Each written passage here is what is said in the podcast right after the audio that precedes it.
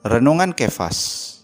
Bahaya menganggap diri sendiri lebih baik daripada orang lain. Markus pasal 9 ayat 38 berkata Kata Yohanes kepada Yesus Guru, kami lihat seorang yang bukan pengikut kita mengusir setan demi namamu.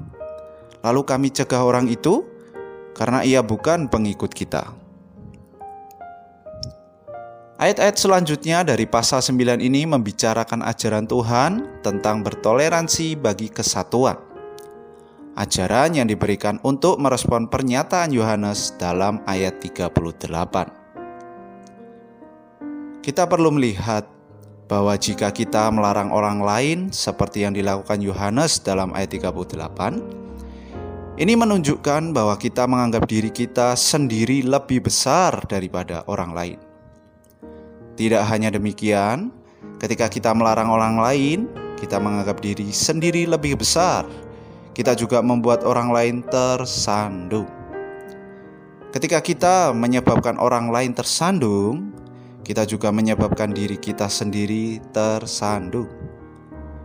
Si jahat bisa menggunakan anggota-anggota tubuh kita tangan, kaki, atau mata untuk mengekspresikan hawa nafsu dan menyebabkan kita tersandung. Kita perlu ha sangat hati-hati mengenai hal ini.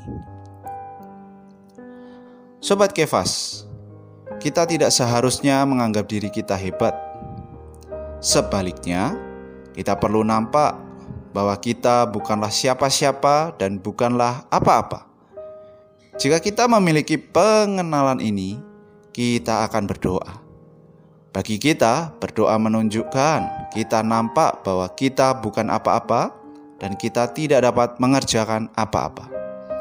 Kita memerlukan persona yang lain, yaitu Kristus sendiri, untuk menggantikan kita. Tarang hari ini, yang pertama, apakah selama kita hidup, kita yang ditinggikan atau Kristus yang ditinggikan? Kedua, apakah jalan kita hari ini terbuka bagi musuh atau diri Allah? Poin doa hari ini berdoa agar kita jangan menganggap diri ini hebat dan lebih besar daripada orang lain, tetapi menganggap kita bukanlah apa-apa. Amin.